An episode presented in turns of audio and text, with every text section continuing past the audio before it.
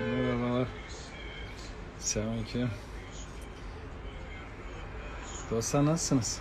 İyisiniz inşallah. Ay, uykumu alınca mutlu oluyorum. ne alaka?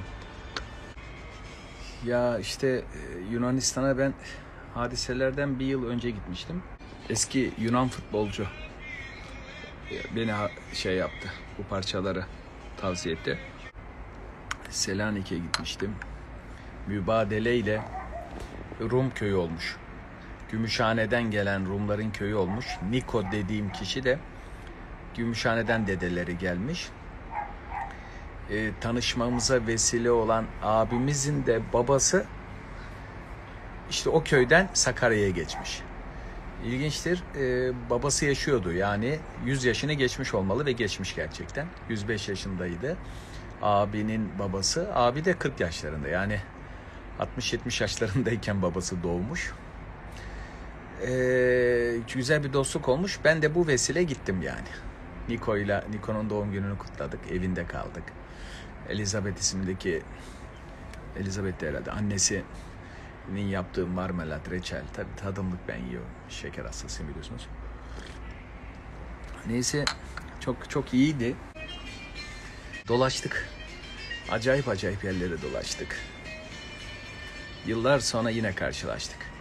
Bu sefer mübadeleyle Sakarya'ya geçmiş olan abi iki yıl içeride Medrese Yusuf'e kaldıktan sonra ehli meriç olup bu sefer Nikolara gelmişti. Dede memleketlerine bu sefer muhacir olarak gelmişti. Muhacir, ters muhacir yani. Yani aslında onların hikayesini yazsam bile değer yani. Bu Niko da gönlünü açmıştı, onlara bir yer tutmuştu. Acayip bir şeydi ya. Ben Almanya Stuttgart'ta e, grubu Yunanistan'da oraya götürdüm. Bizi nasıl ağırladılar? Geziye gö- götürmemin nedeni bir muhacir ziyareti sabah akşam. Gündüz de kültürel geziydi. Hiçbir unutamıyor yani. Niko'ya misafir olduk. Niko'nun bir de güzel restoranı var. Bize balık ikram etmişti. İnşallah korona meselesi hallolsun. Birlikte gidebiliriz yani. Nikolar ağırlamaya dünden razı. Hem de Yunanistan en güzel yerleri. Edessa. Hani Urfa'ya da adı verilmiş olan Edessa. Urfa'nın eski ismi. Öyle güzel ki. Büyük İskender'in çıktığı yerler. Çocukların geçtiği bölgeler. E, Dağlık, kayalık. Bakar mısınız burada dağlık, kayalık yok. Acılı ayran oldu abi? acı kahve içiyorum. Daha en iyisi acı kahveymiş. Ah, kahve çok güzel ama. Acı ayran öyle bildiğiniz gibi değil dostlar. Ayran fermentesi. En az bir hafta bekleyecek. Hatta rahmetli annem iki hafta bekletirdi. Ben de merak ediyorum. Annemin katmadığı şeyleri kattım. şey yoktu mesela. Geniş yapraklı olan neydi? Bir dakika semizotuydu galiba. Dereotu katmıyordu. Onu da kattım. Hani yoğurtlanabiliyor ya. Almanya'dan grupla gitmiştim Stuttgart. Yani bir gidelim ziyaret edelim, çocuklar oyuncak götürelim, yardımda bulunalım. Çok güzide bir düşünceyle gidildi. Ben de onlara teklif ettim. E, Kültürel gezi yapacaktık zaten. Sürekli gidiliyordu. Bir de Eyüp hocam bizi oraları gezdirsin diye. E, Yani ekstra bildiğiniz profesyonel bir rehberlik değil ama her şeyimi tabii karşıladılar. Sağ olsunlar uçak, uçak, uçak gezi falan. Ben de onları çok sürpriz yerlere götürdüm. Hatta bir tanesine söyleşi de yaptık. Hatırlayanınız vardır belki Kavala Kalesi'nde. Çok hoş bir sohbetti o. Ee, Ben biraz Herodot Cevdet gibi anlatmıştım. İşte o zaman Edessa'ya şeye gitmiştik. Niko'ya gitmiştik. İşte bu Niko bu Yunan parçalarını bana şey yaptı. Kader ya. Vallahi ben buna çok ciddi inanıyorum. Hiçbir tereddüdüm yok ya. Bu Niko denen Yunan milli takımının futbolcusu yıllar önce ben Türkiye'de bir futbolcuyla tanışmıştım diyor. Kadere bakar mısınız? Onun dava arkadaşları "Yo- yolumuz kesişti diyor ya. O bile şaşkın. Bu Büyük İsmail'di. Erzurumlu Büyük İsmail. Galatasaray'da o şehrayı açan kişi. İlginçtir yani. Maçtan sonra dostlukları oluşmuş. Kadere bakar mısınız? Yıllar sonra birileri gelmiş ve kalbi birlikte atan o büyük İsmail'le olan dostlar gelmiş. Daha sonra işte benim de yolum düşmüştü. Ve o kadar bizi sevmişti ki Niko, çocuğunu Sarıyer'deki kolejimize yazdırmıştı. Aman ya. Yunanlılar bize Türk dölü diyorlar derdi. Her hiçbir muhacir böyle kabullenilmez ya gitti ülkede. Paylaşmayı sevmez insanlar. Ay, Yunanistan'da tanıyanlarınız çok olmuştur. Kesinlikle ben bu sefer önden yazdım. Nasıl olduysa birazdan kahve söylesi yaparız diye bir 10 dakika önce. Ya gitgide gitgide kıvama varıyor ya el kabiliyetim. Dostlar. Ben niye evde kaldım? Aklıma. Niyeyse iyi kahveyle bu mevzu niye paralel gidiyor? Türkiye'de bir dakika.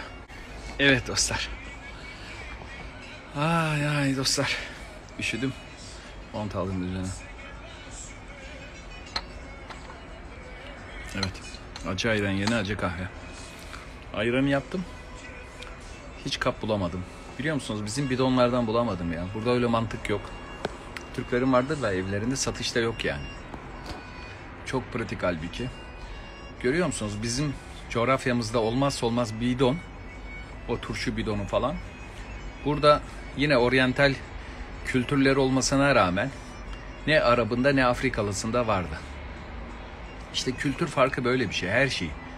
Yani bunun eğitiminden geçmesen de bütün coğrafyada benzer şeyler oluyor Türkiye'de. İnanın Türkiye'de büyüyen Yahudi de, Türkiye'de büyüyen Ermeni de, Türkiye'de büyüyen muhtelif milletlerin de yemeden, içmeden, davranışlardan çok benziyor yani. Zaten milliyetçilik de yakın kültürler üzerinden sen şu milletinden de. Tabi din din e, farklı olduğu için o biraz tutturmadı. Onun için e, Türk gibi gözükmeyenlerin nedeni ki aslında diğer Türk denilenler de e, araştırılmaya sı gerekiyor gerekiyor. Türk denince Türk olunmuyor çünkü Orta Asyalılara çok da benzemiyoruz.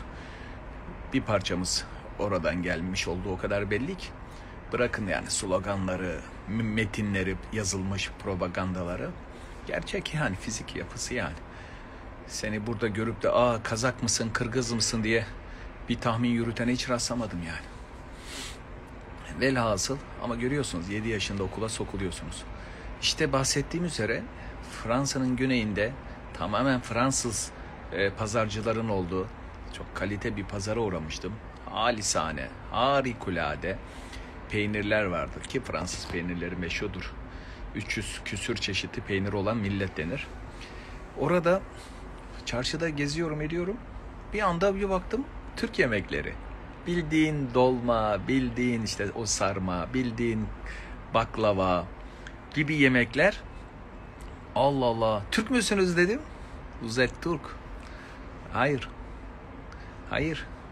Je suis. Yani I am Armenian dedi. Ermeni işte aynı yediğimiz içtiğimiz hani böyle güncel tartışmalarda yer alır ya işte yoğurt Türk'ün mü Rum'un mu ya, o konuda tartışma mı var diyebilirsiniz. Halbuki batıda özellikle Amerika'da yoğurt Grek olarak bilinir değil mi? Ve bir abimiz yoğurtta bir numara oldu galiba. Grek isimli yoğurduyla oldu yani. İki baklava tartışması. İşte bu tartışmalar modern zamandaki son düzleme üzerinden yapılan tartışmalar.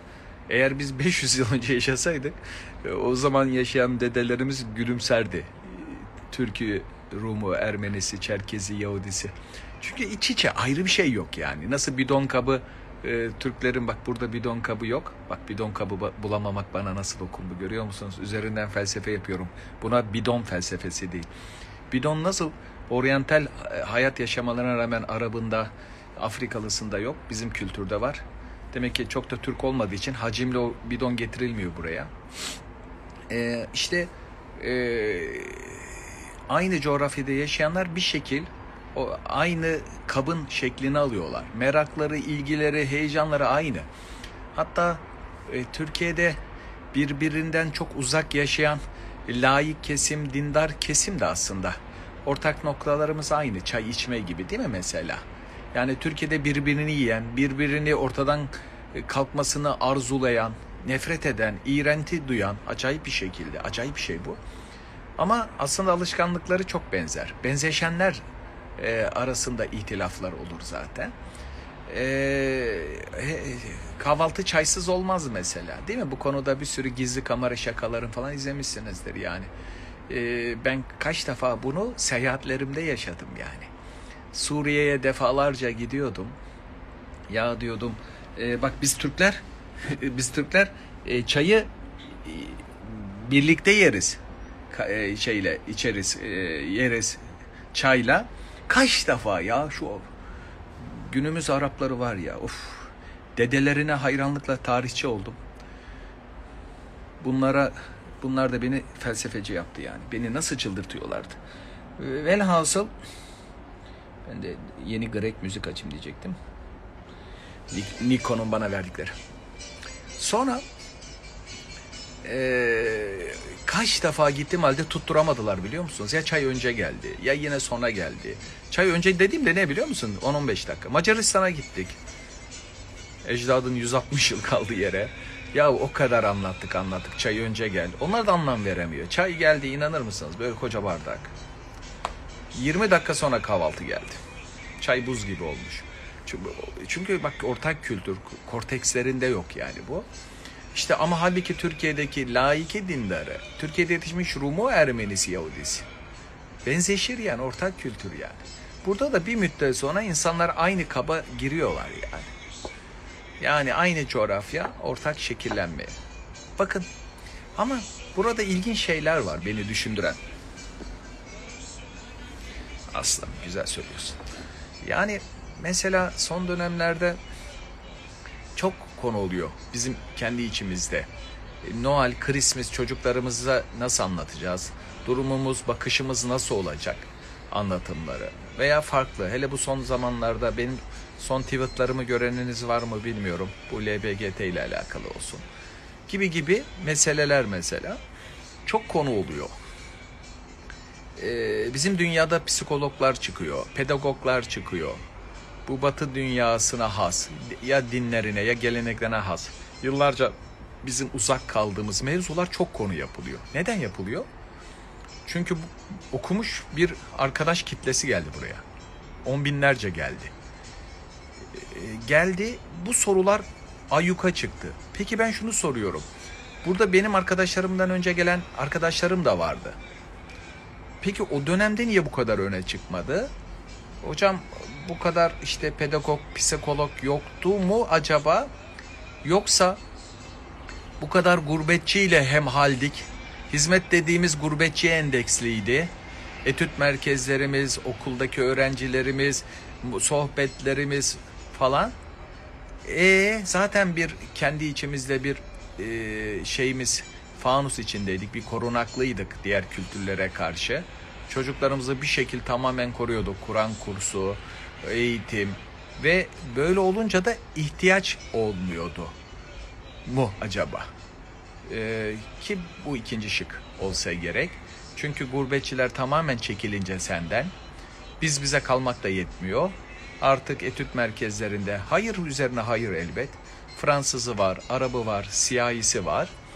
Ama bu iç içelik çocuğun yanında görüyor bütün arkadaşlarının köpeği var. Sen yıllarca köpekten tiksinmişsin belki. Uzak kalmışsın belki. Ama çocuğunun o e, yüzünü buruşukluğu, baba bana da köpek al, alır mısın falan, anne falan. Annenin fendi babayı yendi yine falan. Tamam çocuğun üzerinden. Bir bakıyorsun. Yani gibi gibi yani e, iç içe yaşam, işte krismisler, evlerini süslemeler etmeler.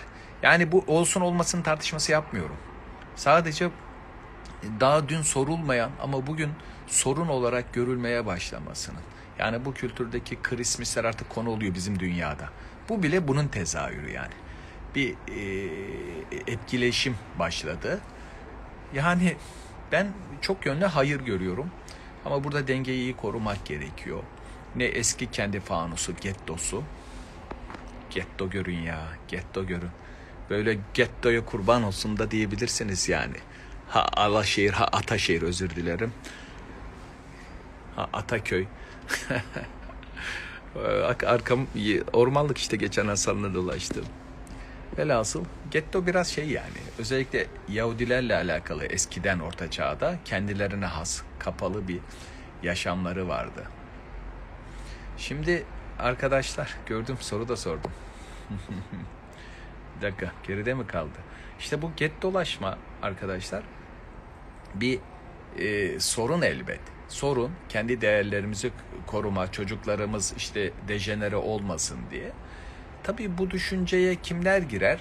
Kendini iyi yetiştiremeyen, tembel kalmış olanlar, sürahi boş, bardağı nasıl doldursun? Ebeveynler boş, kendi kültürüyle hemdem değil, ortaya çıkacak sorulara cevap verebilecek niteliği yok. O zaman ister istemez ne oluyor? Bu sefer muhafazaya giriyor. Aman çoluk çocuğumun aklı kafası karışmasın diye. Çok iyi kendini yetiştirmiş olsaydı çekinir miydi yani? Çocuğunu, çocuklarını sürekli besleyebileceğini bilen bir insan gettoya girer mi yani? E, velhasıl bu inancının ina, zaten o inancına olan kuvvetliliği de gösteriyor. O get dolaşmanın bir zararı var. Fakat bu seferki tehlike de şu olabilir. Özgürlüğü sınırları olmayan olarak algılamak. Yani muhafaza edilecekleri bile böyle bir pejoratif, bir, bir indirgemeci, bir küçümseyici bir bakış. Ee, sanki bütün sorunların kaynağı e, muhafazakar değerlermiş gibi. Bak hep söylüyorum, hep söylüyorum. Eğer biz Jön Türklerin dönemini yaşasaydık, oturup şunu konuşabilirdik. Ya bizi din, diyanet geri bıraktı veya dinin ortaçağ yorumları geri bıraktı. Ee, o, buna hak verilebilirdi bir noktada. Neticede e, denenmemiş bir dönemin öncesiydi yani. Ama aradan 150 yıl çok sular aktı. İktidarlara geldi. Bırakın ortaçağ dini yorum, din tamamen reddedildi. E, metafizik e, öncüllerimiz okullarda hiç anlatılmıyordu. Kur'an kurslarında 3 ay o da yarım yamalak bilen hocalar tarafından o da yani çok değerler eğitimi değil de nedir işte Kur'an öğrenme falan böyle birkaç fıkhi bir şey bilme, namaz, oruç, 32 farz gibi. Bunun, bunun ötesine geçmiyordu. Çelişkili bir hayatımız vardı. Ev içinde başka, okulda başka. Ee, ne oldu? Ee, uzun yıllar dinin reddedildiği bir hayat e, Arap ülkelerin çoğu da dahil olmak üzere aşırı layık rejimlerde din diyanet yok bilin yani. Ne Serahsi var, ne Taftazani var, ne Şirvani var, ne Seyyid Cürcani var. Yani bu Osmanlı'nın iç iç olduğu e, şeyler e, medreselerde. Ne İmam-ı Azam Hanife var, ne İmam-ı Maliki Muvattası var ki Fransa'nın şeri kanunların bir bölümü İmam Maliki Muvattasından alınmaz. Desem şaşırırsınız. Biz fıkıh deyince namaz, oruç, abdest falan algılıyoruz sadece. E, hayatın her da şeyi var, hukuk yani. Sosyal neydi, to, borçlar sözleşmesi gibi, miras gibi Fransa'da konu olur. Geçen hatta iyi bir konu oldu. Fransız kanunlarında şeriat izi diye bu konuda makaleler var. 200 yıl önce Napolyon Mısır'a gittiğinde İmam Malik'in muvattasından alınma. Velhasıl yani denmiyor ki hepsini reddedelim, hesaplaşalım. Bir, tamamen red zaten e, şey rezalet bir şey yani. 150 yıldır yaşadık iyice çamura soktu.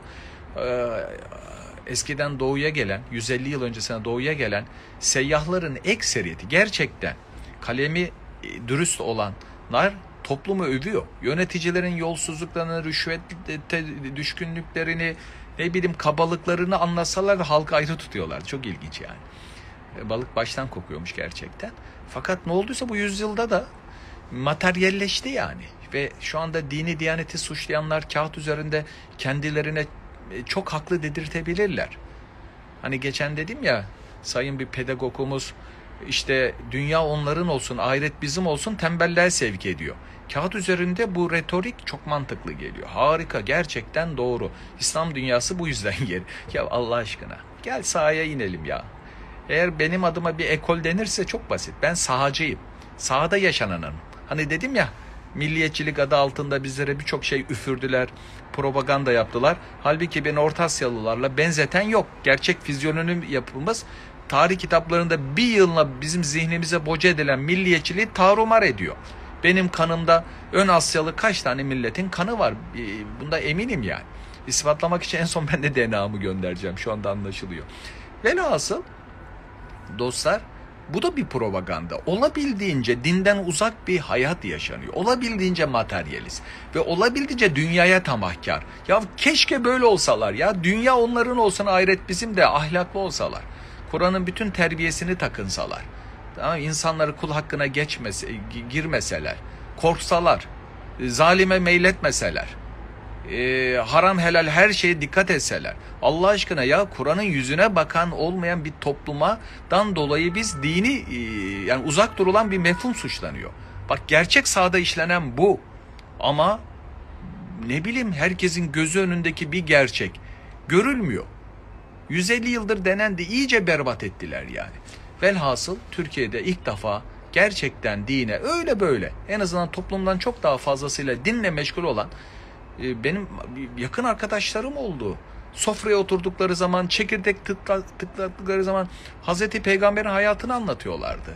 Sahabelerin fedakarlıklarından konuşuyorlardı. İhtilaflarını sahabe örneğiyle çözüyorlardı. Masadan kalkarken sahabenin yaptığı fedakarlıkla kalkıp uzak diyarlara hicret ediyorlardı. Onlara benzemek için. Ve gerçek dindarlıkla birlikte bir baktık modern çağda barışık bir nesil çıktı. Ayak uyduran bir nesil çıktı. Ya bugün bir doktorun beni bugün eklemiş Twitter'da e, dünyada sayılı dergilerde yazısı çıkan bizi taşralardan çıkardı dindarlık ya. Bu nasıl bir e, akıl körlüğü? Bu nasıl bir görememezlik? Bu nasıl propagandaya pabuç bırakmak, gürültüye? Allah aşkına dini sopa gibi kullananlarla bilimi sopa gibi kullanan ama iki tarafta ne biri dini din içselleştirmiş ne öbürü bilimde hiçbir şey ortaya koyamamışların lakırdıları bizi böyle etkiliyor. Bugün sopa din, dini istismar edenin elindeyse öbürünün yanında öbürüne sataşıyoruz. Dini yorum bizi geri bırak. Hayır. Dinle barışıklık bizde bir ümit ortaya çıkardı. Ben bunu her yerde aykıracağım. Bugün sahtekarı arkasını alıp e, kendi fikrini güçlendirmeye çalışsalar da sorun dinden ortaçağ hayır. Kardeşim insanlar okumuyor. Ne fıkıh yenileme bizi düzeltecek ne bir şey. Eskiden fıkıhla hemdem olanlar Rum'la, Ermeni'yle, Yahudi'yle yan yana Yeniköy'de, Tarabya'da, Çengelköy'de, İstanbul'da yarısından çoğu Müslüman olmadığı bir ortamda yaşamayı öğrendi. Bugün fıkıhtan uzaklık e, dini Hristiyan Yahudi'yle kavgaya indirgedi. Allah aşkına. Sorun fıkıhta değil. Vallahi değil. Tabii ki e, elden geçirilmesi gereken bir alanlar var. Ama o da yenilenmemizi gerektiren en basit şey fıkı. Yok işte seferili, işte ne bileyim üzerine tekrar eğilirsin. E, artık transportların, taşıma araçlarının kolaylığı dersin. Onları yaparsın. Fıkı e, fıkhi değil yani bizim yenilenmemiz gereken. Ama oturuyorsun bütün yenilik onlar onun üzerine insanlar kafa yoruyor. Halbuki sorun o değil. Ama bugünlerde çok yakışıklı geliyor. Yani dünya onların ahiret bizim olsun düşüncesi tembel bırakmış Müslümanlara. Hayır, hayır, hayır. İnsanlar nasıl tamahkar dünyaya. Hiç de ahiret onların olsun diyenlere rastlamadım. Ama bu sözü sürekli tekrarlayan sofralarda oturup da birbirimize hatırlattığım arkadaşlar e, öyle e, e, bilimsel şeylerde nitelikler kazandı ki birisi bilmem ne modüküler e, nükleer şeyde, biri bilmem hangi mühendislikte, biri bilmem sosyal bilimlerde hangi alanda. E, tesellinin en güzeli, bir psikolog tesellinin en güzeli bu cümleyi anlayamıyorsa oturup da yani e, insan şaşması lazım. İşte oturup böyle ben de çok iyi retorikçiyimdir he, onu söyleyeyim. Eğer ben kişisel şöhret peşinde olmak istesem var ya öyle çelişkiler yakalarım ki metin üzerinden. Ama İmam-ı Azam'ın sözü gelir. Ben de cedele taktırmıştım kendimi. Böyle rakipleri alt etmek için çelişkileri bulmak, metinler, sözler, sürekli tartışma meclislerinde ama anladım ki cedelleşme insanı nasipsiz ediyor. Güzel değerleri çok iyi ifade eden ama içselleştiremeyen. gelin böyle insanları, bilgiler verenleri bir test edin bakayım. Eleştiriler kültür deyip eleştiren insanları ufacık bir eleştirin. Nasıl da engelliyorlar? İşte bunun gibi yani. Ben de çekiniyorum yani bu kısa bir dünyada çelişkiler bulmak, polemik dili ve insanları ifsat etmek yani en kötüsü o. Çünkü insanlar anlayamıyor ki birilerinin kişisel e, zaaflarına işte e, hakikati perdelediğini. Neyse. Bu soğuk vakitte içim biraz soğuk galiba. Dostlar. Hocam peki bu güzel kaynağı insanlara neden sevdiremiyoruz? Güneşi sevmeyen insan yokken neden güneşten daha çok içimizi ısıtan, daha çok ana din insanlara cazip gelmiyor? Elbette nefsin payı var ama sadece o değil. Mesela e, şu hadisi ben hep yanlış yorumladığımızı düşündüm. Din garip geldi, garip e, gidecek. E, Bir de ahir zamanda da garip olacağını anlatır. Ve bu biz garipliği mugarrip olarak yani dindarlar olarak algıladık. Hayır, dinin kendisi garip. Çok kolayca vazgeçilebiliyor. Bugün mesela e, dindar gönüllüyle yıllarca zorba dinsizlerin ittifakıyla bize zulmediliyor. Fakat sadece dindar olandan dolayı dine karşı bir soğuma var. Önde güzel Kur'an okuyan bir ülke lideri var sözde perdeliyor arkadaki zulümleri. Halbuki 30 yıldır zulmetmek için her türlü çırpınışı yapan insanlar bu güzel perde sayesinde arkada Kur'an kursu öğretmenlerini içeri atıyor, cezalandırabiliyor ve bizzat fiili cezalandırmalarda en çok onlar var mesela. Birçok arkadaşımdan dinliyorum. Ee, birçok emniyet müdürü diyor yani Ramazan'da karşımıza sigara içip üzerimize şey yapan edenler tipler. Hani bu aynı mantaliteyle öbürüne kızıp ya en kötü şey dinsizlik falan demiyorum da işte e, sadece diğer sahtelere bakıp onlar üzerinden dine soğuma yaşıyoruz. Velhasılı kelam e, bu bugün için öyle ama yani e, evet din gariptir en ufacık bir şeyde nefse aykırılık var düşünsenize bugün çocuklarımızın önünde lebalep herkesin kendi elindeki görsel yayınlarla nefsini celbettiren tahrik eden gıdıklayan uyarıcılar var sürekli. Ve bu tahrik içerisinde e, tatmin olmak istiyor. Bu kadar tahrik ama meşru tatmin yolları kapalı. Din yasak diyor falan. Orada orada hani nefis haylaz çocuk gibi yani. Kendine zararlı olana çok şey duyar iştiyak duyar yani. Ee, şimdi burada dinin suçu mu var yani? Din bunu engellemiş. Belki uzun vadede de, şunu anlayacak yani din kendisini koruyor. Ve din bilakis propagandanın tam tersine özgürlüğü sunuyor. Seni bohemiyetten tutsaklıktan e, arzularının kölesi olmaktan e, koruyor. Bakın bu e,